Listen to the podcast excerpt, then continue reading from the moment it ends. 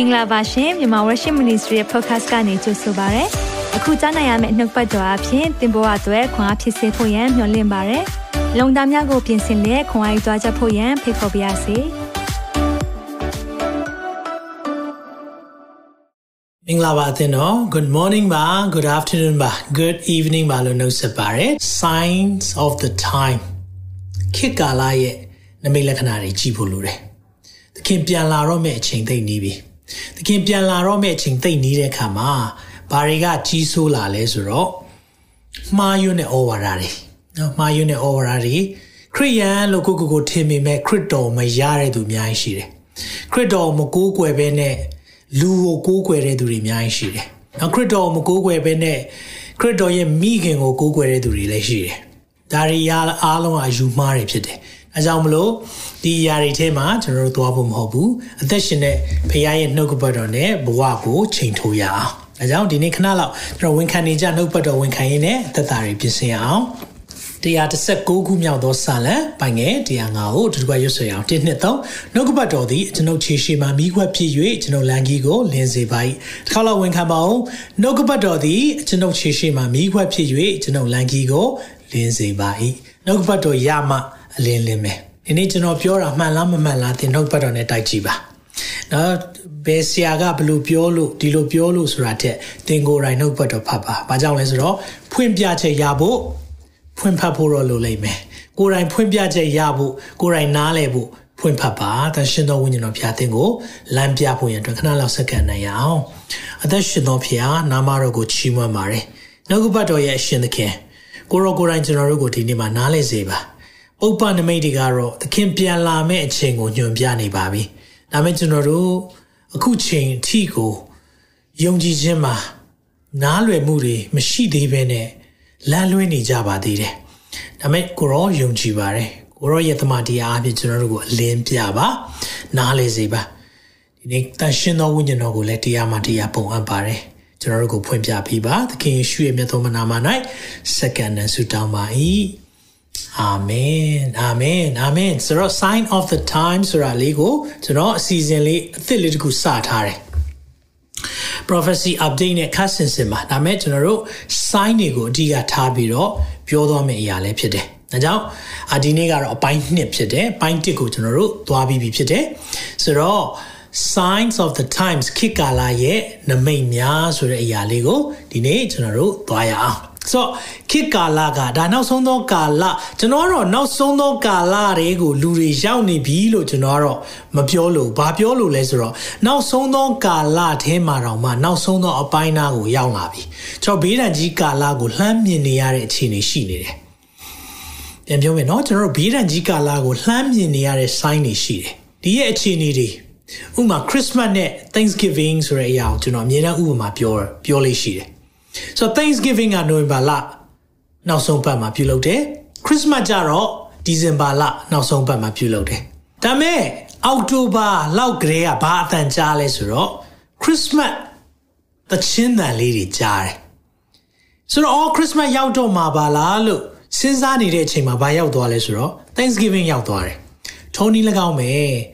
ခရစ်တော်ရဲ့ဒုတိယအချိန်ကြွလာခြင်းရဲ့ sign တနည်းအားဖြင့်ဘေးဒဏ်ကြီးကာလရဲ့ sign တွေကိုမြင်တွေ့နေတဲ့အချိန်မှာပဲ rapture ဆိုတဲ့အရာအရင်လာရောက်လာမှာဖြစ်တယ်။ဒါကြောင့်ကျွန်တော် rapture နဲ့ပတ်သက်ပြီးတော့လည်းကျွန်တော်အများကြီးပို့ချထားပြီးသားဖြစ်တယ်။ဒါကြောင့်မလို့ဂျေဇုပြု၍ဒီရဲ့သင်ကြားချက်တွေကိုအားလုံးပြန်ပြီးရှာပြီးနားထောင်စေခြင်းတယ်။တချို့က highlight လောက်ပဲကြည့်တယ်။အဲ့ဒီ highlight ကြည့်တဲ့အပေါ်မှာဒါဒီလိုဒီလိုဒီလိုဆိုပြီးတော့ကိုယ့်ရဲ့ထင်မြင်ချက်တွေအမြဲတမ်းကောက်ချက် မှတ်ချက်တွေပြုလေရှိတယ်ဖြစ်နိုင်မယ်ဆိုရင်တော့ကျွန်တော်သင်ထားတာဆိုရင်ဒီရဲ့နောက်ဆုံးသောကာလဆိုရင် series alike ကိုတွားထားတာဖြစ်တယ်။ဒါကြောင့်တချို့အရာလေးတွေမှာကျွန်တော်ပြန်မရှင်းပြတော့တဲ့အရာလေးတွေရှိတယ်။ဒါကြောင့်သင်အားလုံးနားလည်ခြင်းနဲ့ဆိုရင်တော့အားလုံးကိုကျွန်တော်တို့ season 1 2 3 4နဲ့ prophecy update ဆိုပြီးတော့အများကြီးကျွန်တော်တို့အာကဏ္ဍ9ခုလောက်နဲ့ပို့ချထားတာဖြစ်တယ်။ဒါတွေအားလုံးကိုဂျေစုပြု၍နားဆင်ဖို့ရန်အတွက်လည်းဒီနေရာကနေတိုက်တွန်းပါတယ်။ ဆိုတော့ဒီနေ့ sign of the time ထဲမှာဘာတခုပြောခြင်းလဲဆိုတော့ Israel နိုင်ငံရဲ့အကြောင်းပြောခြင်းတယ်ဆိုတော့ Israel ဒီဖယားရဲ့မျက်စံတော်ဖြစ်တယ်ဖယားရဲ့ရွေးကောက်ထားတဲ့ the chosen people လည်းဖြစ်တယ်အသင်းတော်က Israel ကိုအစားထိုးလိုက်တာလုံးဝမဟုတ်ဘူးပြန်ပြောမယ်နော်အသင်းတော်ဒီ Israel ကိုအစားထိုးလိုက်တာလုံးဝမဟုတ်ဘူး ဖခင်ကအသင်းတော်အတွက်လည်းအကြံစီရှိသလို Israel နိုင်ငံအတွက်လည်းအကြံစီရှိတယ်ဒါကြောင့်မလို့ Israel နိုင်ငံရဲ့ sign လေးတွေကိုမြင်တွေ့တဲ့အခါမှာသခင်ပြန်လာမဲ့အရာလေးတွေကိုကျွန်တော်တို့နားလည်ဖို့ဖြစ်တယ်။ဒါကြောင့်မလို့နှုတ်ပတ်တော်နဲ့တစ်ချက်လောက်ကျွန်တော်တို့ဖွင့်ကျမ်းစာဖတ်ခြင်းတယ်။နောက်ဆုံးသောကာလအကြောင်းပြောပြီးဟေ့ဆိုတိုင်းမှာဘသူပေါ်လာလိမ့်ရှိလဲသိလား။ပြည့်ရည်ပြုတော်သူပေါ်လာလိမ့်ရှိတယ်။ ပြည့်ရည်ပြုတော်သူပေါ်လာတယ်။ဒါကြောင့်မလို့ကျွန်တော်ပြောမယ်နော်။သင်ကြောင့်မလို့တမန်ကျမ်းစာပြည့်စုံတာမဖြစ်ပါစေနဲ့။သင်ကြောင့်တမန်ကျမ်းစာပြည့်စုံတာမဖြစ်ပါစေနဲ့။တနည်းအားဖြင့်သင်ပြည့်ရည်ပြုတဲ့သူဖြစ်နေတယ်ဆိုရင်တမန်ကျမ်းစာဟာမှန်တယ်ဆိုတာသင်ထောက်ခံတာနဲ့အတူတူဖြစ်နေတယ်။ဒီမှာကြည့်အောင်ရှင်ပေတရုဩဝါဒစာဒုတိယဆောင်ခန်းကြီး3အငယ်3မှာဒီလိုပြောပါတယ်။ရှေးဥစွာတိမတ်အပ်သောအရာဟုမူကားနောက်ဆုံးသောကာလ၌ဒီကာလကိုပြောတာ ပြည့်ရည်ပြုတတ်သောသူတို့သည်ပြည့်ရည် mockers ပြည့်ရည်ပြုတ်တတ်တဲ့သူတွေကဘာလုပ်လဲဆိုတော့တဲ့မိမိတို့တတ်မှတ်ခြင်းအတိုင်းကျင့်နေ၍ဆိုတာကိုကြိုက်တယ်လို့နေတယ်ကိုရဲ့သဘောပဲ moral standard ဆိုတာမရှိတော့ဘူးကိုသဘောပဲကို my body my choice ဒါမှမဟုတ်ရင် my truth your truth ငါတမန်တရားမင်းရဲ့တမန်တရားစသဖြင့်တမန်တရားအောင်တော့မှအမျိုးမျိုးပိုင်းခြားပြီးတော့မင်းမှန်တယ်မင်းအနေနဲ့မင်းမှန်တယ်ငါအနေနဲ့ငါမှန်တယ်ဘာမှလာမပြောနဲ့အဲ့ဒီကာလကိုပြောတာမိမိတို့တတ်မှတ်ခြင်းအတိုင်းကျင့်နေ၍ အဲ့လိုကျင့်တဲ့သူတွေပေါ်လာတယ်အဲ့လိုပေါ်လာတယ်ဆိုရင်တဲ့သူတို့ပြောတဲ့စကားတစ်ခုရှိတယ်အငယ်လေးကိုကြည့်အောင်သခင်ဖျားကြွလာမည်ဟူသောဂတိသည်အဘယ်မှာရှိသနည်းဖျားပြန်လာမယ်ဆိုဘယ်မှာလဲမော့ကာပြည့်ရည်ပြူတာအဲ့ဒီပြည့်ရည်ပြူတဲ့သူတွေကိုတဲ့နောက်ဆုံးသောကာလမှာပေါ်လာမယ်တဲ့ဒါကြောင့်ကျွန်တော်ခုနပြောတယ်ဒီကျမ်းစာပြည့်စုံတာသင်ကြောင့်မဖြစ်ပါစေနဲ့နော် မိုးဘေးများအိပ်ပျော်သည့်နောက်ခတ်သိမ်းသောအရာတို့သည်ဖန်ဆင်းကစဖြစ်တဲ့ကဲ့သို့ဖြစ်မဲဖြစ်ကြသည်အရင်တိုင်းပါပဲအရင်လုံးကလည်းဒါတွေဖြစ်နေတာပဲမုံတိုင်းနေဆိုရဒါတွေဖြစ်တာနှင်းကြတာလည်းဒါပုံမှန်ငလင်လောက်တာလည်းဒါပုံမှန်လေဒါတွေကဖြစ်မြဲဖြစ်နေတဲ့အရာတွေဘာထူးဆန်းလို့လဲရေးကြီးခွင့်ကျဲပြောနေတယ်အဲ့ဒီထဲမှာသင်ပါနေတာအကြောင်းဒီနှုတ်ပတ်တော်သိချာနားထောင်ပါသင်ဘာသာကြားဖြစ်ကောင်းဖြစ်လိမ့်မယ်ဓမ္မမိတ်ဆွေဖြစ်လိမ့်မယ်ခရိယန်ဘာသာစိတ်ဝင်စားပြီးလေ့လာတာဖြစ်လိမ့်မယ်ဒါမှမဟုတ်ရင် သင်ကအမျိုးကြောင်းမျိုးမျိုးကြောင့်သင်ကြည်တာဖြစ်ကောင်းဖြစ်မယ်။ဒါမဲ့ဂျေစုပြု၍အစဆုံးနားထောင်ပေးပါ။သင်အတွက်အကျိုးရှိပါလိမ့်မယ်။ကဲ့ရဲ့ခြင်းနဲ့တကွာပေါ်လာလိမ့်မယ်တဲ့။ဒီကျမ်းစာကိုလွန်ခဲ့တဲ့နှစ်ပေါင်း2000လောက်ကရေးထားတယ်။ရှင်ပေတရုကိုယ်တိုင်ရေးထားတယ်။အဲ့ဒီအရာတွေပြည့်စုံလားဆိုရင်ပြည့်စုံနေတယ်။ဒါမဲ့ကျွန်တော်တကယ်ပြောလင့်ပါတယ်။အဲ့ဒီပြည့်စုံတဲ့သူတွေထဲမှာသင်တော့မပါစေချင်ဘူး။ဖျားပြန်လာမဲ့အကြောင်းအရာတွေ နောက်ဆုံးသောကာလကိုပြည့်ရည်ပြုတဲ့ထဲမှာသင်နဲ့ကျွန်တော်မပါဘူးလို့တယ်။ဒါကြောင့်ဖခင်ကနောက်ဆုံးသောကာလမှာဘာတွေဖြစ်မလဲ။ဘာပြောထားလဲကျွန်တော်တို့နှုတ်ဘတ်တော်နဲ့ကြည့်အောင်။လူကာ27မှာဒီလိုပြောတယ်။သင်မောတပန်းပင်မှာသင်ခန်းစာလူကာ27ဒီအကြောင်းမသင်24ထဲမှာလည်းပြောထားတယ်။မာကု73ထဲမှာလည်းရှိတယ်။ဒါမဲ့ကျွန်တော်လူကာ27ထဲကဖတ်ချင်တယ်။ငွေ29တဖန်ထပ်၍မိန်တော်မူသောဥမာကသင်မောတပန်းပင်မှာဆို၍တစ်ပင်များကိုမှတ်ကြလောတဲ့။တစ်ပင်တွေကိုကြည့်ခိုင်းတယ်တဲ့။ဘာလို့ပြောချင်တာလဲ။ ပြီးရင်ရှင်းပြမယ်အရွက်ပေါက်သောအခါနှွေကာလနီးဒီကိုသင်တို့ဒီအလိုလျောက်သိမြင်ကြ၏အရွက်ပေါက်လာပြီဆိုရင်နှွေကာလရောက်လာပြီဆိုတာကိုသိတယ်တဲ့ထိုနည်းတူတဲ့ထိုအကြောင်းအရာများကိုမြင်ရလေဆိုရင်အဲ့ဒီရဲ့ context ပေါ့နော်အကျိုးကြောင့်ဆက်ဆက်ပြီးဖတ်တဲ့အခါမှာအစာခေါင်းမမဲ့ဘေးတွေလာမယ်စစ်မဲ့ဘေးတွေလာမယ်ဒီအကြောင်းတွေပြောလာတဲ့ဟာတွေကိုမြင်တွေ့ရပြီဆိုရင်တဲ့ ဖျားသခင်နိုင်ငံတော်တည်လူနေပြီဖျားနိုင်ငံတော်လာတော့မယ် rapture မဟုတ်ဘူး second coming ဖျားနိုင်ငံတော်တည်လူနေပြီဒါကြောင့်မလို့ second coming ရဲ့ sign တွေကိုတွေ့နေတယ်ဆိုရင်သိကြတယ် rapture ဒီသိနေပြီသင်နဲ့ကျွန်တော် ready ဖြစ်ထားဖို့လိုတယ်ငါမှန်ဆိုဒီကယခုဖြစ်သောလူများမကုန်မီထိုเจ้าရအလုံးစုံတို့သည်ဖြစ်ကြလိမ့်မည်။ကောင်းကင်နေမြကြီးမသိတော့လဲငါစကားတီးလိမ့်မည်။ယခုဖြစ်တဲ့အကြောင်းအရာဆိုခုနအဲ့ဒီတင်မောတဖန်ပင်ကနေရွက်တီစိတ်စိတ်ပြီးတော့ ဒီရဲ့ရွက်တွေပြန်ပြီးတက်လာတဲ့အရာကို မြင်တဲ့ generation ကျွန်တော်တို့ပြောတာဒါကြောင့်ဒီနေ့နှုတ်ပတ်တော့သိလေးနဲ့မယ်နော်နားမလည်ဂျေစုပြုရဲ့နှစ်ခါသုံးခါပြန်နားထောင်ပေးပါဒီနေ့နားလည်ဖို့ခက်ပဲတချို့လူတွေ end time ကိုလေ့လာတဲ့သူတွေအတွက်ဆိုရင်တော့အင်မတန်မှအတိတ်ပဲရှိတဲ့နှုတ်ပတ်တော်ဖြစ်မယ်။ အဲကြောင့်ဒီနေ့သင်စိတ်ဝင်စားရဆိုရင်ယေရှုပြု၍နားထောင်ပေးပါနားမလဲရင်ပြန်နားထောင်ပါ။ဘာကြောင့်လဲလေးနဲ့လို့ဖြစ်ပါတယ်။ဆိုတော့သင်မောသဖန်ပင်ကိုကြည်ခိုင်းတယ်။သင်မောသဖန်ပင်ကိုဘာလို့ကြည်ခိုင်းတာလဲ။သခင်ယေရှုကသင်မောသဖန်ပင်ပဲမဟုတ်ပဲနဲ့သင်မောသဖန်ပင်မှာစ၍သစ်ပင်များတဲ့။ဘာကိုပြောတာလဲဆိုတော့သင်မောသဖန်ပင်ကဘာကိုပုံဆောင်လဲဆိုရင်ဣသရေလနိုင်ငံကိုပုံဆောင်တယ်။ ဣသရေလနိုင်ငံကိုပုံဆောင်ပြီးတော့တစ်ပင်များဆိုတာအဲ့ဒီဣသရေလနိုင်ငံနဲ့ပတ်ဝန်းကျင်မှာရှိတဲ့နိုင်ငံတွေကိုပြောတာဖြစ်တယ်။ရှေ့လေပိုင်းနိုင်ငံတွေကိုကြည့်ပြီးတော့ဒီအရာတွေကိုကြည့်ပြီးတော့ဆင်ခြင်ဖို့သင်ခန်းစာယူဖို့သခင်ဘုရားကျွန်တော်တို့ကိုတိုက်တွန်းတာဖြစ်တယ်။ဆိုတော့သင်မောသဖန်ပင်ကိုဘာနဲ့နိုင်လဲဣသရေလနိုင်ငံကိုသင်မောသဖန်ပင်နဲ့နိုင်တယ်ဆိုတာကိုကျွန်တော်ကြမ်းပိုက်၃ခုပေးမယ်။ တချို့မေးတယ်တင်မောသဖန်ပြန်အာဣသရေလဆိုတာဘယ်မှာပြောလဲဒီမှာပြောပါတယ်เนาะဒီချာမှတ်ထားပါယေရမိ24အငယ်4နဲ့5မှာဒီလိုပြောတယ်တပန်ထာရဖျိုင်နှုတ်ပတ်တော်ဒီငါးစီတို့ရောက်လာ၍ဤဒီအီလာအမျိုးကြီးဖျားခင်ထာရဖျမိန်တော်မူသည်ကဤအရက်မှခါတလဲပီတို့ငါဆေလို့၍တိန်းသွားခြင်းကိုခံရသောယူရအမျိုးတို့သည်ဤကောင်းသောတင်မောသဖန်သည်ကဲ့သို့ဖြစ်ကြသည်ဟုငါဝန်ခံမိအဲ့ဒီမှာယေရမိကိုတောင်းနှတောင်းပြတယ်တတောင်းကတင်မောသဖန်ဒီကောင်းတဲ့ဟာဖြစ်ပြီးတော့ တတောင်းကမကောင်းဖြစ်တယ်တဲ့ဒါပေမဲ့သင်မောသဖန်ဒီဆိုတာဂျူးလူမျိုးတွေပြောတာဒါဆိုသင်မောသဖန်မြာဘာကိုပြောတာလဲဣသရေလနိုင်ငံကိုပြောတာဒါကြောင့်ဣသရေလနိုင်ငံကိုပြောတယ်ဆိုတဲ့တတိတစ်ခုဖြစ်တယ်နောက်တစ်ခုပြင်မယ်ဟောရှင်နာဂရိကျန်ခန်းကြီးကိုငယ်30မှာတော၌ဇပြစ်တိကဲ့သို့အေဒီလာမျိုးကိုငါတွေ့၏ဇပြစ်တိနဲ့နိုင်တယ်ပြီးတော့သီးဆသောသင်မောသဖန်ပင်၌သီးဆသောသင်မောသဖန်ပင်၌ အဦးဆုံးမဲ့သောတင်မောတဖန်ဒီကဲ့သို့တင်တို့ဘိုးဘေးများကိုငါမြင်၏တင်မောတဖန်ပင်ကသီးတဲ့တင်မောတဖန်ဒီဟာတင်တို့ဘိုးဘေးဆိုတာဂျူးလူမျိုးတွေကိုပြောတာဒါကြောင့်မလို့တင်မောတဖန်ပင်ဟာ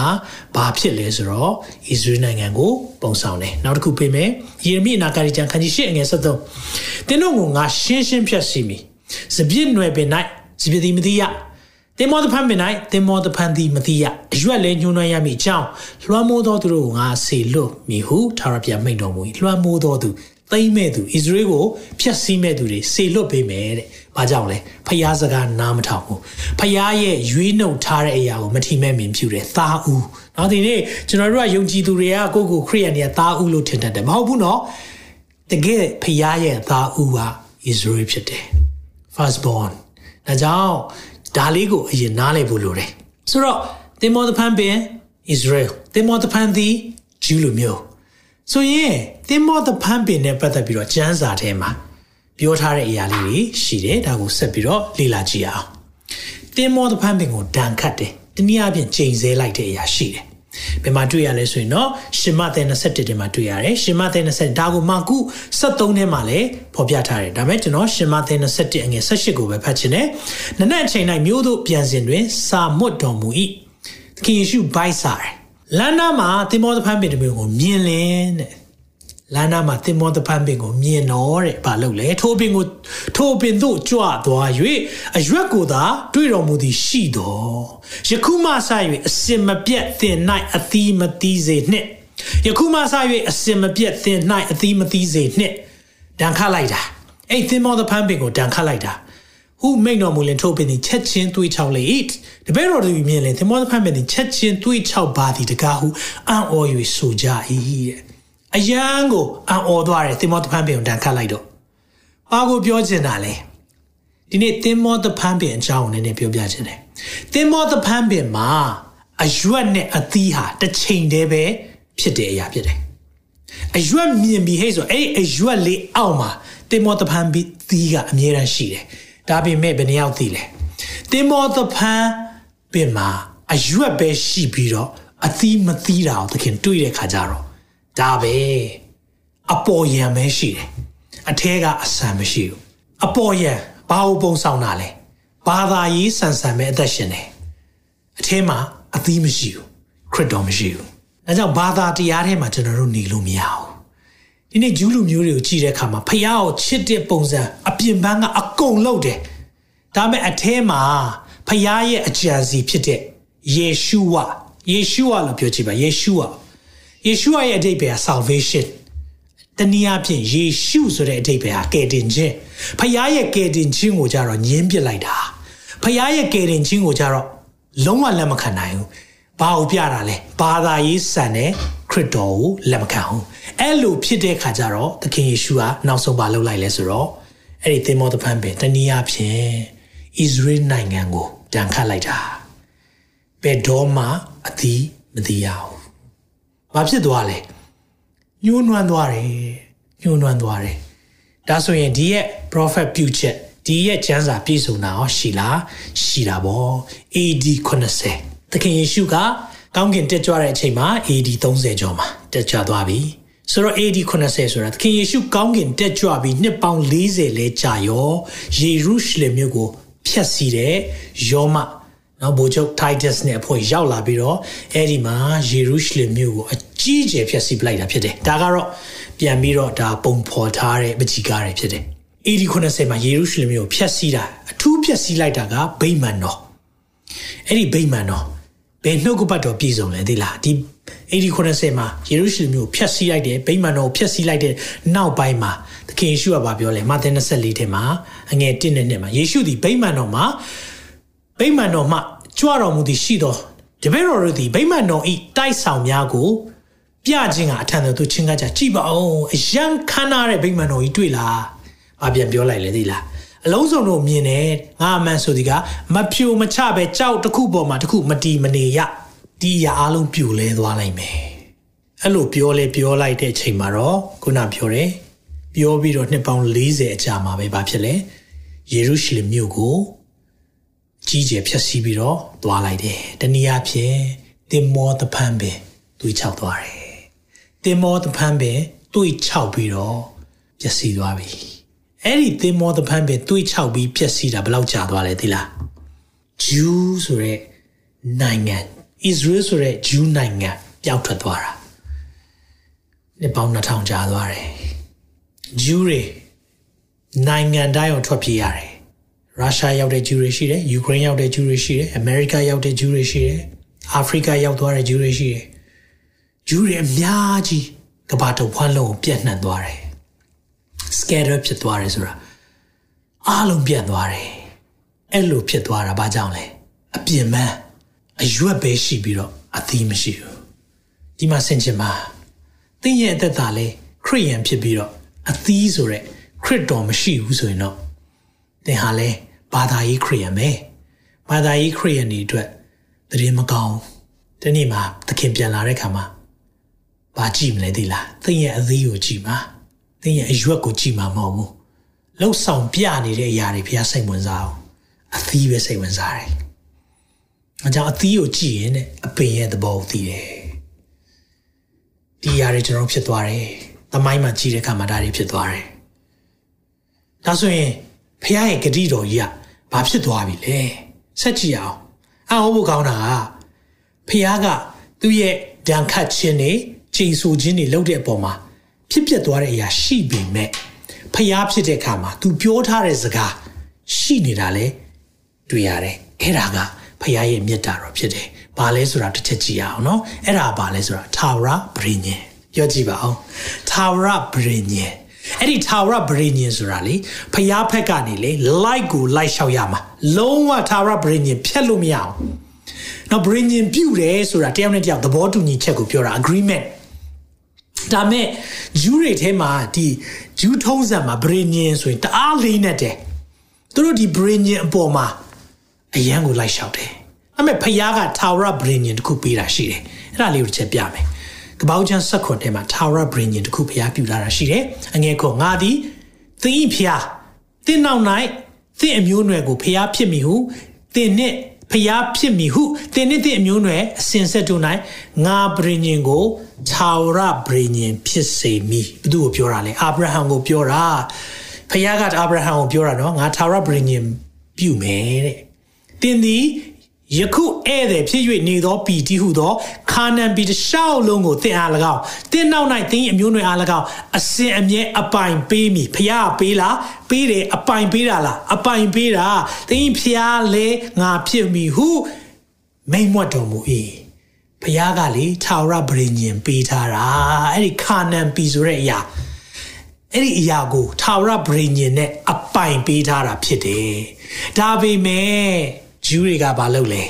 ထာဝရဗြိညင်အာဗြဟံကိုပေးထားတဲ့ဂတိကိုပဲဆွဲကင်တယ်ဒါပေမဲ့အသီးမရှိဘူးဘာသာရေးဆန်ဆန်အသက်ရှင်နေဖခင်ရဲ့အကြံစီကိုလက်မခံနိုင်ဘူးဖခင်ကတကယ်တော့ယေရှုဝါယေရှုကိုလွတ်တာကကယ်တင်ခြင်းမိမိလူတို့ကိုအပြစ်မှကယ်ချွတ်မိသူဒါကြောင့်မလို့ခရစ်စမတ်ကျင်းပတာကျွန်တော်တို့ကခရစ်တော်ရဲ့မွေးဖွားခြင်းဒီဒီနေ့ဒီချိန်ဒီဂျူးတွေကလက်မခံနိုင်ဘူးငါတို့မေရှိယတယ်လို့မဟုတ်ဘူး သူတို့မျှော်လင့်တဲ့မေရှိယသူတို့နော် military leader ဆိုတော့စစ်ဖက်ဆိုင်ရာကင်းကြီးခန်းကြီးနဲ့မွေးလာမဲ့သူယောမတွေကိုလုံးဝတွန်းလှန်ပြီးတော့လုံမဲ့သူမျိုးအဲ့လိုထင်တာမဟုတ်ဘူးနှိမ်ချဆိုတာတိုးတငင်နဲ့မွေးလာတယ်လို့လက်မခံနိုင်ဘူးလက်မခံနိုင်တော့ဘာဖြစ်လဲ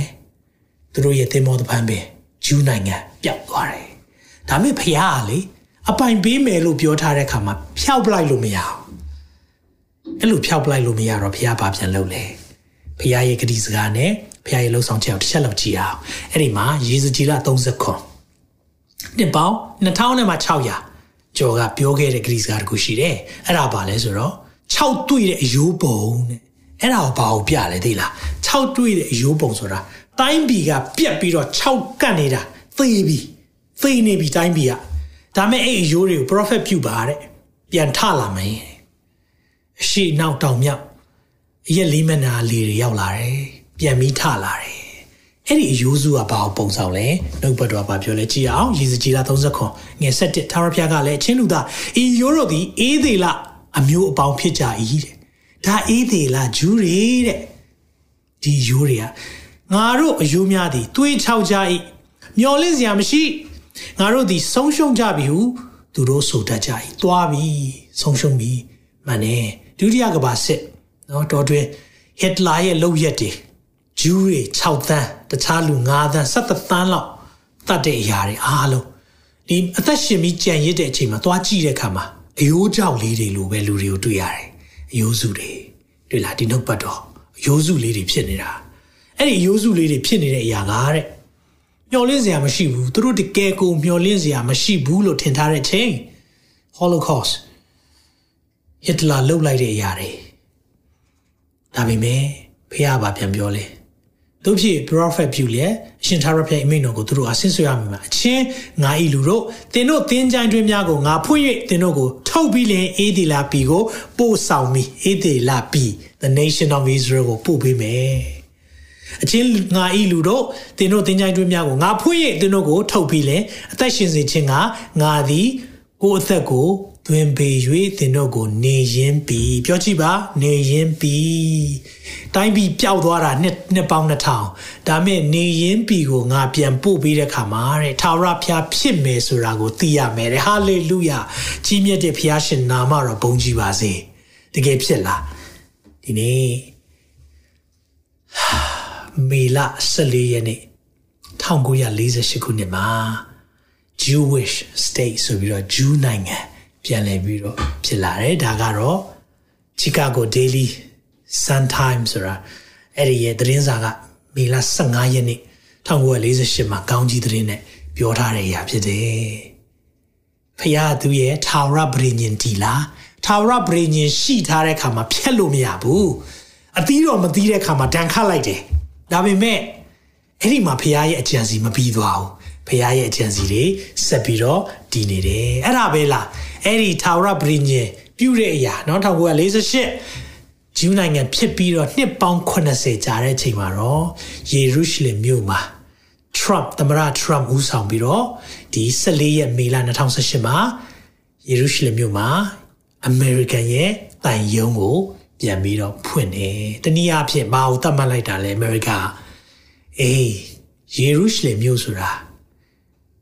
နေရင်ပြည်ရဲ့မြို့တော်ဖြစ်တယ်။ဣသရေလနိုင်ငံရဲ့မြို့တော်ဖြစ်တယ်ဆိုတာကိုအတည်ပြုပေးလိုက်တာ။စိတ်ဆိုးကြလားအယမ်းစိတ်ဆိုးတာပေါ့။စာရန်တော်တော်လေးတော့ခံသွားတယ်။တိုင်းပြည်တွေကဘာတလွှားဆန္ဒပြမှုတွေမငြိမ်သက်မှုတွေဖြစ်သွားတယ်။ဘာကြောင့်လဲ။တမန်ကျမ်းစာပြည့်စုံတဲ့အရာတွေ တမန်ကျမ်းစာပြည်စုံတဲ့ຢာတွေကျွန်တော်တို့မြတ်ဝါထင်တင်တွေ့နေပြီ sign of Israel သင်မောသဖန်ပင်ကိုကြည်ပါသင်မောသဖန်ပင်ကိုကြည်ပါသင်မောသဖန်ပင်ကိုကြည်ပါကြည်ပါဒီမှာတွေ့လားအဲ့လိုဖြစ်လာတဲ့အခါမှာ1948ကနေ1920 2000နဲ့မှာ18နော်48ကနေ2018ဆိုတာနှစ်90အဲ့ဒါ jubilee နော်နှစ်90တိုင်းမှာ jubilee ဖြစ်တယ်ယူဘီလာဘာလို့ရလဲသိလား မူရင်းပိုင်ရှင်ထံကိုအမြဲတမ်းပြန်ပြီးတော့ပြန်ပေးရတယ်။ဒါကြောင့်မြေခွက်တွေဝယ်ထားတယ်ဆိုရင်နှစ်90ကြာရင်အမြဲတမ်းပြန်ပေးရတဲ့ထုံးစံရှိတယ်။အခုတွေ့လားနှစ်90ကြာတဲ့အခါမှာယေရုရှလင်ကိုပြန်ပေးပြန်ပေးရတာ။ဒါဒီအားလုံးဟာဖခင်ရဲ့ prophet ပြုချက်တွေတည်တဲ့အရာဖြစ်လာတဲ့အရာမိတ်ဆွေနဲ့ကျွန်တော်ကမျက်ဝါးထင်ထင်ကိုတွေ့တာ။ဒါကြောင့်မလို့ကျွန်တော်တို့ဒါတွေဟောပြောဖို့ရန်အတွက်ဖြစ်နေတာ။ မိတ်ဆွေနားလဲပါ။အဲကြောင့် sign of the time ခေတ်ကာလရဲ့နမိတ်တွေထဲမှာအရေးကြီးတယ်။ဣသရေလနိုင်ငံရဲ့နမိတ်တွေဖြစ်နေပြီ။အဲကြောင့်အထူးသဖြင့်ယေရုရှလင်မြို့နဲ့ပတ်သက်ပြီးတော့လေဇာခရီရဲ့ prophet ပြုချက်ဒါဓမ္မဟောင်း prophet တယောက်ရဲ့ prophet ပြုချက်လည်းရှိပြန်တယ်။ဘာကိုပြောလဲဆိုတော့ တုံလှုပ်စေတဲ့ယေရုရှလင်မြို့ကဘာဖြစ်မလဲဆိုတော့တဲ့ဇာခရီ7နှစ်အငယ်1နှစ်3ကဘာပြောလဲဆိုတော့တုံလှုပ်စေတဲ့ဖလားတဲ့ပြီးတော့လူမျိုးကျွန်တော်အငယ်3ကိုကျွန်တော်ဖတ်လိုက်မယ်ထိုကာလအခါ၌လဲထိုမြို့ကိုယေရုရှလင်ကိုပြောတာဖြစ်တယ်လူမျိုးပေါင်းတို့အားလေးသောကြောက်ဖြစ်စေပြီးထိုကြောက်ကိုခြီသောသူပေါင်းတို့သည် ချိုးဖက်ကြည်မွာကြလိမ့်မည်လောကီသားမျိုးမျိုးတို့သည်ယေရုရှလင်မြို့တစ်ဖက်၌စုဝေးလျက်ရှိကြလိမ့်မည်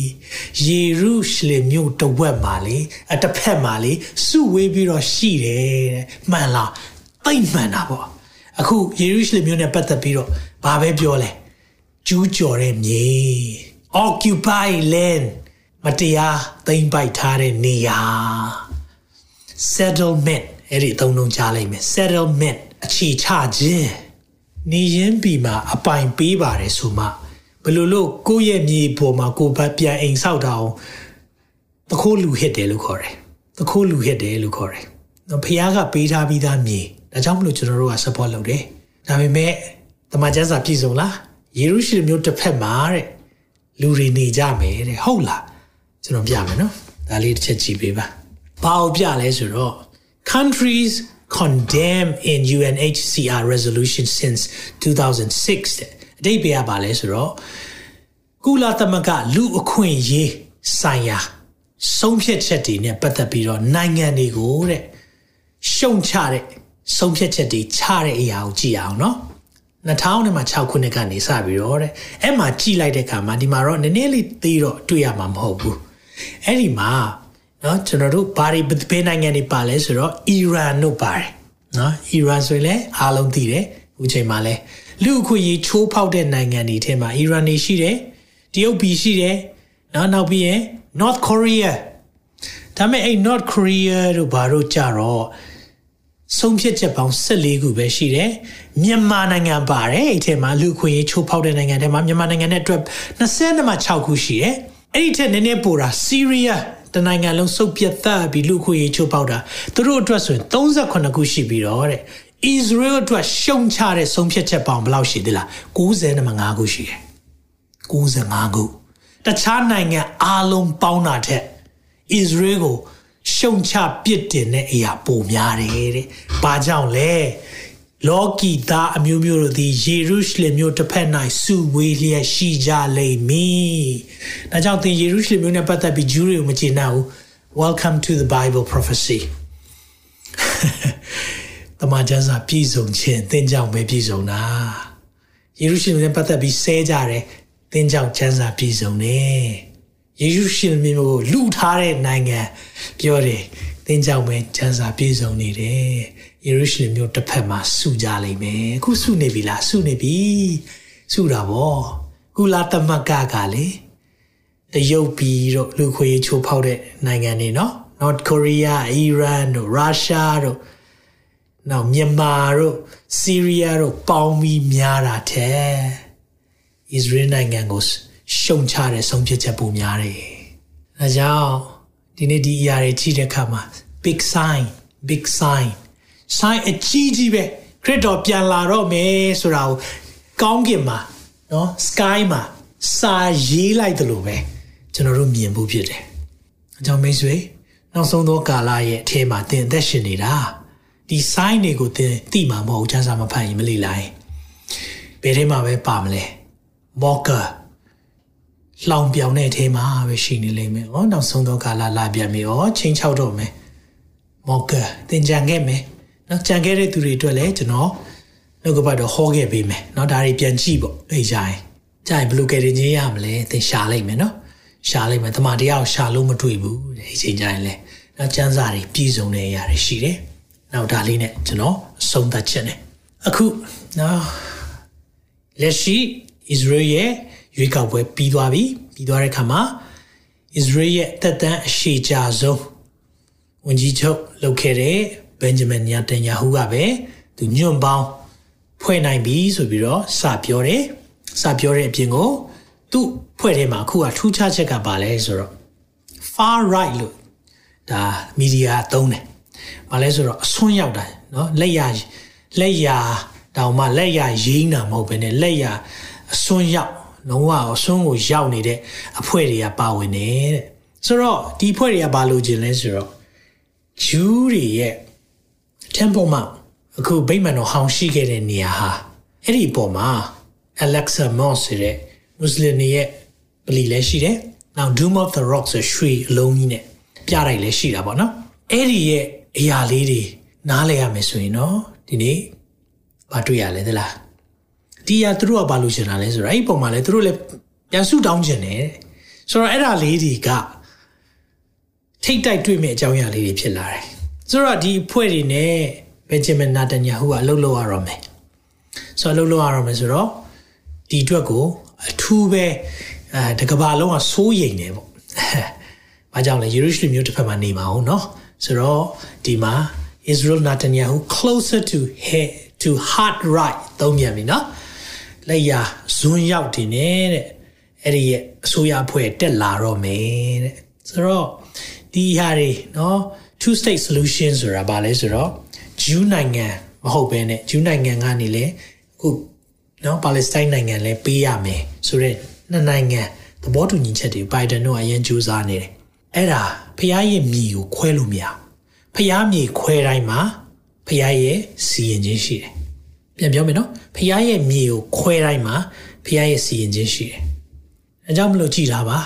ဖျားမြေကိုခွဲဖို့လုပ်တဲ့အစိုးရတိုင်းမှာအဲ့ဒီနိုင်ငံမှာ ပြဿနာမြင်တဲ့တက်တယ်ကြီးမားတဲ့ဖျားရဲ့ဆုံးမခြင်းလက်ရတော့မြင်ရလိမ့်မယ်ဆိုတော့အမေရိကမှာအခုနှင်းမုန်တိုင်းကြီးကျယ်တိုက်တယ်ကျွန်တော်ဘာကြောင့်လဲဆိုတဲ့အရာလေးကိုကျွန်တော်နောက် series တွေမှာပြောပြပေးမယ်အဲဒါသဘာဝတရား climate change အဲ့တက်ပူပါတယ်ဖျားရဲ့စီရင်ခြင်းတွေရှိတယ်ဆိုတော့အမေရိကန်မှာနေတဲ့အမေရိကမှာနေတဲ့သူတွေစုတောင်းပါအရန်ကိုနိုင်ငံအတွက်ကိုစားပြုပြီးတောင်းပန်ပါနိုင်ငံကြီးကဲတွေက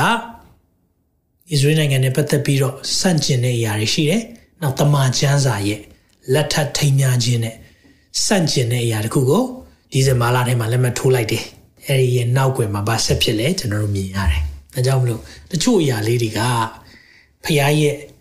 နဲ့နေတဲ့အရာလေးတွေဖြစ်တဲ့အခါမှာတော့ချက်ချင်းနားလည်နိုင်ဖို့လွယ်မှာမဟုတ်ဘူး။ဒါပေမဲ့ကျွန်တော်တို့ Bible prophecy တွေလေ့လာတဲ့သူတွေကြည့်တဲ့အခါမှာ တမန်ကျမ်းစာကိုနည်းနည်းနည်းနည်းလေ့လာတဲ့သူတွေကြည့်တဲ့အခါမှာဒီအရာတွေကဖြစ်ကိုဖြစ်နေတဲ့အရာဆိုတော့မိတ်ဆွေကိုမြင်ကျင်တယ်။ဒါပေမဲ့အဲ့ဒီမှာပြီးသွားပြီလား။ဘယ်တော့မှမပြီးဘူး။မိတ်ဆွေတို့ခုနားလဲစေချင်တယ်။ဖခင်ရဲ့လှုပ်ဆောင်တဲ့အရာဘယ်တော့မှမပြီးတဲ့အရာတွေရှိတယ်။ဘာလဲဆိုတော့ကျွန်တော်တို့မှာမင်္ဂလာရှိတဲ့မျှော်လင့်ရာ blessed hope ရှိနေတယ် hallelujah amen blessed hope we have a blessed hope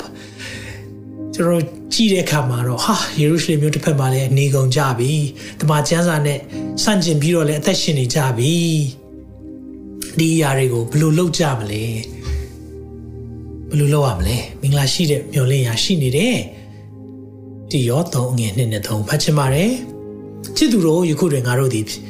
ဖျားသခင်သားဖြစ်ကြ၏နောက်မှအဘယ်သို့သောသူဖြစ်မိကိုမထင်ရှားသေးသို့တော်လဲကိုရော်ဒီထင်ရှားပေါ်ထွန်းတော်မူသောအခါ rapture ကိုပြောတာဖြစ်တယ်ငါတို့ဒီကိုရော်နဲ့တူကြလက်တံငါတို့ဒီကြ၏အကြောင်းမူကားကိုရော်ဖြစ်တော်မူသည့်အတိုင်းငါတို့ဒီမျောမြင်ရကြလက်တံခရစ်တော်ပြန်လာတဲ့အခါမှာခရစ်တော်နေတူ နော်ကျွန်တော်ဝိညာဏကိုခန္ဓာနဲ့အသက်ရှင်ဖို့ဖြစ်တယ်ထို့သူမျှော်လင့်တော်သူဘယ်နှယောက်မျှော်လင့်လဲဒီထဲမှာခရစ်တော်ရဲ့ကြွလာခြင်းကိုဘယ်နှယောက်မျှော်လင့်လဲဟာလေလုယာကောင်းကြီးပေးပါစေဖခင်ရှင်ကိုရောတန့်ရှင်းတော်မူသည်နည်းသူကိုကိုကိုတန့်ရှင်းစေတတ်၏တန်ရှင်းစွာသက်ရှင်မှာဒီချိန်မှာတန်ရှင်းစွာသက်ရှင်မှုဖြစ်တယ်ပုပ္ပနမိတ်လက်နမိတ်လက္ခဏာတွေခေတ်ကာလရဲ့နမိတ်တွေကကျွန်တော်တို့စကားပြောနေပြီတဘာဝတရားလည်းပြောတယ်နိုင်ငံရေးအခြေအနေကလည်းပြောတယ်ဒီနေ့ Israel sign sign of Israel တင်မောတဖမ်းမြင်လည်းသိအောင်ပြနေပြီ ဒီလိုမြင်တွေ့တဲ့အခါမှာမလုပ်ရမလဲကိုရောတန့်ရှင်းစေတဲ့နီးတူတန့်ရှင်းစွာသက်ရှင်မှာနောက်ချမ်းပိုက်တစ်ခုပေးမယ်တီတူတီတူနှစ်အငယ်7ကနေ73မှာပြောလဲ။ကျောင်းမှုကမင်္ဂလာရှိသောမျိုးလင်းရာကို၎င်းကြီးမြတ်သောဘုရားသခင်တည်ဟူသောငါတို့ကိုကယ်တင်သောအရှင် သခင်ယေရှုခရစ်၏ဘုန်းတည်ရထင်ရှားပေါ်ထွန်းခြင်းကို၎င်း rapture ကိုပြောတာဖြစ်တယ်ငါတို့ဒီမျော်လင့်လျက်မျော်လင့်တဲ့သူကဖျားမဲ့တရားမဲ့နေခြင်းလောကီတတ်မှတ်ခြင်းကိုပယ်ရှားလျက်ယခုဘဝ၌အင်တွေစောင့်ခြင်းတရားသဖြင့်ကျင့်ခြင်းဖျားဝတ်၌မှု့လျော်ခြင်းတို့ကိုပြုရမိကြောင်းငါတို့ကိုဆုံးမသွန်သင်ရဲ့လူပေါင်းတို့ကိုကယ်တင်တတ်သောဖျားသခင်ယေရှုတော်သည်ထင်ရှားပေါ်ထွန်းလျက်ရှိ၏ဒီနှုတ်ကပတ်တော်တွေကျွန်တော်အလွတ်ရရအောင်ဒီဟာတွေကျွန်တော် print out လုပ်ထားပါအမြဲတမ်းနှလုံးသားဆင်ခြင်နေဖို့ဖြစ်တယ်နော်ဒီအရာတွေကျွန်တော်တို့ဒီနောက်ဆုံးသောကာလတွေပြောရင်တချို့ဆိုရင်ဟာနားမထောင်ချင်ကြောက်လိုက်တာဆရာရဲ့ negative တွေများလိုက်တာဘာတွေကြီးလဲနားမလဲတာလေပျော်နေသေးတာလေလောကရဲ့မဘာပြောလဲလောကီတက်မှတ်ခြင်းလောကမှာနေလို့မှမပြီးသေးတာမဝသေးဘူးအဲ့လိုဖြစ်နေတာဒါပေမဲ့ဖះပြင်ဆင်တဲ့အရာတွေသိကိုကျွန်တော်တို့အခုမြင်တွေ့နေတာဘာမှဘာမှမဆိုင်တဲ့ဟာ no eye has seen no ear has heard no mind has imagined လူမျက်စိနဲ့မမြင်နားဖြင့်မကြစိတ်နှလုံးနဲ့မကြံစီသေးတဲ့အရာတွေဖျားပြင်ဆင်ထားပေးတယ်နော်အဲကြောင့်အခုမြင်တွေ့နေရတဲ့ဟာတွေကဘာမှမဟုတ်သေးဘူးမိတ်ဆွေအာမင်အကြောင်းကျွန်တော်တို့ဘလို့အသက်ရှင်ရမလဲဒါဒါနောက်ဆုံးချမ်းပိုက်ဖြစ်တဲ့ယောမ73ငယ်7ကို7နဲ့7ကိုဒီလိုကဖတ်ရအောင်ထုံးမတပါငါတို့ကိုကယ်တင်သောဂျေဇုတော်သည်ငါတို့ယုံကြည်သောနေ့ရက်၌ဤသည့်ထက်ယခုသာ၍ဤသောကြောင့်၎င်း ညအချိန်ကုန်လူ၍နေ့ချိန်ရောက်လူသောကြောင့်၎င်းယခုခါအိပ်ပျော်ရာမှနိုးရသောအချိန်ရောက်ခဲ့ပြီဟုငါတို့သည်သိ၍ကာလအချိန်ကိုထောက်၍မှောင်မိုင်း၏အချိန်ကိုပယ်ရှား၍အလင်းဤလက်နဲ့ဆုံကိုဝစ်စစ်ဆောင်ရွက်ကြကုန်အာမှောင်မိုင်းအချိန်နေဖေတော့ဖေတော့အချိန်မရှိတော့အချိန်မရှိတော့အိပ်ပျော်ရာကနေနိုးရမယ့်အချိန်ဖြစ်တယ်ဒါပေမဲ့အိပ်နေတဲ့လူကိုလေမိသွားထိုးရင်အရန်စိတ်ဆိုးတာ အိပ်ပျော်နေတဲ့အချိန်မှာမိခလုတ်ဖွင့်လိုက်ကြည့်ပါလားဘာလို့လို့လောက်တာလဲဝိညာဉ်ကြီးကမှအိပ်ပျော်နေတဲ့အချိန်မှာ Bible prophecy နဲ့ဒိန်းဆိုစော်ထဲတဲ့အခါမှာခမရဘာသာရေးစော်ကားတယ်တဲ့ခမရဂိုင်းကနာတွေကိုစော်ကားတယ်တဲ့ခမရဘာမှမသိဘဲနဲ့မပြောနဲ့တဲ့အားကြောင့်လဲအိပ်ပျော်နေတဲ့အခါမှာလေသွားပြီးတော့နှုတ်ကပတ်တော်နဲ့ထိုးလိုက်တဲ့အခါမှာမခံနိုင်ဘူးမိတ်ဆွေဒါမဲ့လေ နှုတ်ကပတ်တော်ဟာကျွန်ုပ်ခြေရှိမှာမိခွက်ဖြစ်တဲ့သူအတွက်တော့လေလမ်းကြီးလင်းနေလိမ့်မယ်ကျွန်တော်တာဝန်ဟာတင့်ကိုလေဖះနဲ့ပုံနီးဖို့သခင်ရဲ့ပြန်ကြွလာခြင်းကိုနေ့တိုင်းမျှော်လင့်နေသူဖြစ်ဖို့ warning ပေးဖို့လမ်းတော်ကိုပြင်ဆင်နေသူဖြစ်တယ်အဲကြောင့်အေလိယရဲ့စိတ်ဝိညာဉ်နဲ့အလုပ်လုပ်တဲ့သူတွေဖះပို့ဆောင်မယ်ဆိုတာဒီနေ့ပဲ I don't care what you think of me all I need to do, my job is to warn you. My job is to wake you up. တင်ကျွန်တော်ပုံမှာဘလို့ထင်တယ်ကျွန်တော်ကြည့်မဆိုင်ဘူးကျွန်တော်ရဲ့တာဝန်ကတင့်ကိုနှိုးဖို့ပဲတင်းရဲ့ဝိညာဉ်ရအခြေအနေကိုလေချိန်ထိုးပြဖို့ဖြစ်တယ် sign နေ sign နေ after sign sign နေအများကြီးရှာစရာကိုဘလို့ပတ်ဝန်းကျင်မှာတောက်လျှောက်ဖြစ်နေပြီတင်ဒီပါသခင်ယေရှုပြန်လာတော့မယ် Are you ready? I am ready. Most of our people are ready. ကျွန်တော်လူတွေလည်း ready နေပြီဒီမှာ worship မိသားစုတွေ ready နေပြီဒါပေမဲ့မိခွန်းကသင်တကယ် ready ပြီလားဒီညခရစ်တော်ပြန်လာမယ်ဆိုရင်သင်ကောင်းကင်နိုင်ငံရောက်မယ်ခရစ်တော်ရဲ့ချီဆောင်ခြင်းထဲမှာပါမယ်လို့သင်ထစ်ချပြောနိုင်ပြီလားမပြောနိုင်သေးဘူးဆိုနောင်ကြသေးဘူးဒီဒီနှုတ်ကပတ်တော်ကြားတယ်ဆိုရင်နောင်တရပါအပြစ်တွေကနေနောင်ရရပြီးတော့ ဘုရားထံလဲလာပါဒီအချိန်မှာကရင်ချင်းဆုံးရှုံးသလားမဆုံးရှုံးဘူးလားအပြစ်လုပ်ရင်ဘလို့ဖြစ်လဲဒါတွေပြောနေရမယ့်ချိန်မဟုတ်ဘဲနဲ့နောင်တနဲ့ဘုရားထံလဲလာမယ့်ချိန်လုံသားဖြစ်စေရအောင်သက်တာတွေကိုအနံ့ရအောင်ခဏလောက်သက်တာတွေအနံ့ယေရှုတောင်းရအောင်အသက်ရှင်တော်ဖရာဒီနေ့နှုတ်ပတ်တော်အတွက်ကိုရောယေရှုတင်တယ်ကိုရောပြောခိုင်းတဲ့အရာကျွန်တော်ပြောပြပါပြီကို ရောအမြန်ကြွလာပါမာရနာသာလောကရဲ့ sign တွေခေတ်ကာလရဲ့ပုပ္ပနမိတ်တွေကိုမြင်တွေ့တဲ့အခါမှာကျွန်တော်တို့ရဲ့ဝိညာဉ်ကိုကိုရောလှန့်နိုးနေလို့ယေရှုတင်တယ်လှုပ်နိုးပေးလို့နိုးစော်တဲ့သူတွေရှိလို့လည်းယေရှုတင်တယ် watchman တွေ watch woman တွေကင်းဆောင်တွေကိုကိုရောပြင်ဆင်ထားပေးလို့ယေရှုတင်တယ်ဒီနေ့ကိုရောလောကီအရာကိုမစွန့်လွတ်နိုင်တဲ့သူမြောက်များစွာရှိပါတယ် ရောဖျားလူလို့ပြောတဲ့သူများပင်လေလောကီရဲ့တက်မှတ်ခြင်းထဲမှာပဲသွားနေတုံးဖြစ်တဲ့ကိုရောအဲကြောင့်ကိုရောတမန်တရားနဲ့နှလုံးသားတွေကိုပြောင်းလဲစေပါကျွန်တော်တို့ရဲ့နေ့ရက်ကာလတွေဟာတူတောင်းနေပြီဖြစ်တဲ့အတွက်ကိုရောရဲ့ပြန်လေကြွလာခြင်းကိုကျွန်တော်တို့နေ့တိုင်းမျှော်လင့်တော်သူများဖြစ်ဖို့ရန်အတွက်မာစားပါပြအားလုံးအတွက်လည်းဝန်ချတောင်းပန်တယ်။နောင်တရပါတယ်လောကီဆန်တဲ့အရာ မောင်မိုက်အကျင့်တွေကိုကျင့်မိတဲ့အရာတွေကိုပယ်ရှားပြီးတော့အလင်းရဲ့လက်နဲ့ဆုံးကိုဝတ်ဆင်သောသားသမီးများဖြစ်စေဖို့ရန်အတွက်ကိုရောမာစာကောင်းချီးပေးပါမိကြောင်းတပါးသီးသောသားတော်မြတ်သခင်ရှုနာမ၌စက္ကန့်နဲ့ဆုတောင်းပါ၏အာမင်အာမင်ဖွဲ့တစ်ဖွဲ့အတွက်လည်းဆုတောင်းပေးခြင်းတယ်သင်ဒီအကြောင်းအရာတွေကြားတဲ့အခါမှာစိုးရိမ်တယ်ငါမ ready သေးဘူးပဲသင်သိတယ်နောက်မကြသေးဘူးသင်ရဲ့သက်တာကိုခရစ်တော်ထံအနှံလို့ရတယ် ဘဝတစ်ခုလုံးသူ့စီမှာပုံအပ်လို့ရတယ်သင်အဲ့လိုလုပ်ချင်တယ်ဆိုရင်ကျွန်တော်ဆုတောင်းပေးခြင်းတယ်ကျွန်တော်ကနေယေရှုပြည့်လိုက်ဆိုပေးပါသခင်ယေရှုခရစ်တော်ဖျားကျွန်တော်ဟာပြစ်သားဖြစ်ပါတယ်မောင်မိုက်ထဲမှာကျင်လည်နေတဲ့သူဖြစ်ပါတယ်ဒီကနေ့မှာခရစ်တော်ရဲ့အကြောင်းကိုကြားသိရပါပြီအပြစ်အားလုံးအတွက်နောင်တရပါတယ်သခင်ခွင့်လွှတ်ပေးပါမောင်မိုက်အကျင့်ကိုပယ်ရှားပြီးအ လင်းရဲ့သားဖြစ်အသက်ရှင်ခြင်းပါတယ်ဝိညာဉ်တော်ဖျားကျွန်တော်အသက်တာကိုလမ်းပြပါသခင်ရှုနာမ၌စက္ကန့်နံပါ၏အာမင်သင်ဒီဆုတောင်းချက်ကိုလေစိတ်လုံးသားအကျွမ်းမဲ့နဲ့ဆုတောင်းနေဆိုရင်သင် ready ဖြစ်မယ်အရှင်သောဝိညာဉ်တော်ဖျားသင်ကိုလမ်းပြလိုက်မယ်ဖျားရှင်ဆက်လက်ပူဆောင်ပါစေ ထာဝရဘုရားသည်သင်ကိုကောင်းချီးပေး၍ဆောင်မတော်မူပါစေသောထာဝရဘုရားသည်သင်၌မျက်နာတော်အလင်းကိုလွှတ်၍ဂုဏကျေးဇူးပြုတော်မူပါစေသောထာဝရဘုရားသည်သင်ကိုသင်ကိုမျှော်ကြည့်၍ချမ်းသာပေးတော်မူပါစေသောလူတွေကြံစီ၍မမိနိုင်တဲ့ဖခင်ငြိမ်သက်ခြင်းဝမ်းမြောက်ခြင်းနဲ့ပျော်ရွှင်ခြင်းများကျမ်းမာခြင်းများသင်နဲ့သင်မိသားစုပေါ်မှာတရားပါစေသခင်ရှုနာမ၌ဆုတောင်းကောင်းချီးပေးပါရယ်အာမင် တင်ခုလိုနာဆင်ခွန်အားနိုင်ခြင်းဟာမြန်မာ Worship Ministry ကိုလာဆင်ပန်ပိုးနေကြတဲ့ Kingdom Partners များအကြောင်းဖြစ်ပါတယ်။ဘုရားခင်နိုင်ငံတော်ကျယ်ပြန့်ရေးအတွက်လာဆင်ပေးကမ်းပောင်းဖို့ရန်ဖိတ်ခေါ်လိုပါတယ်ရှင်။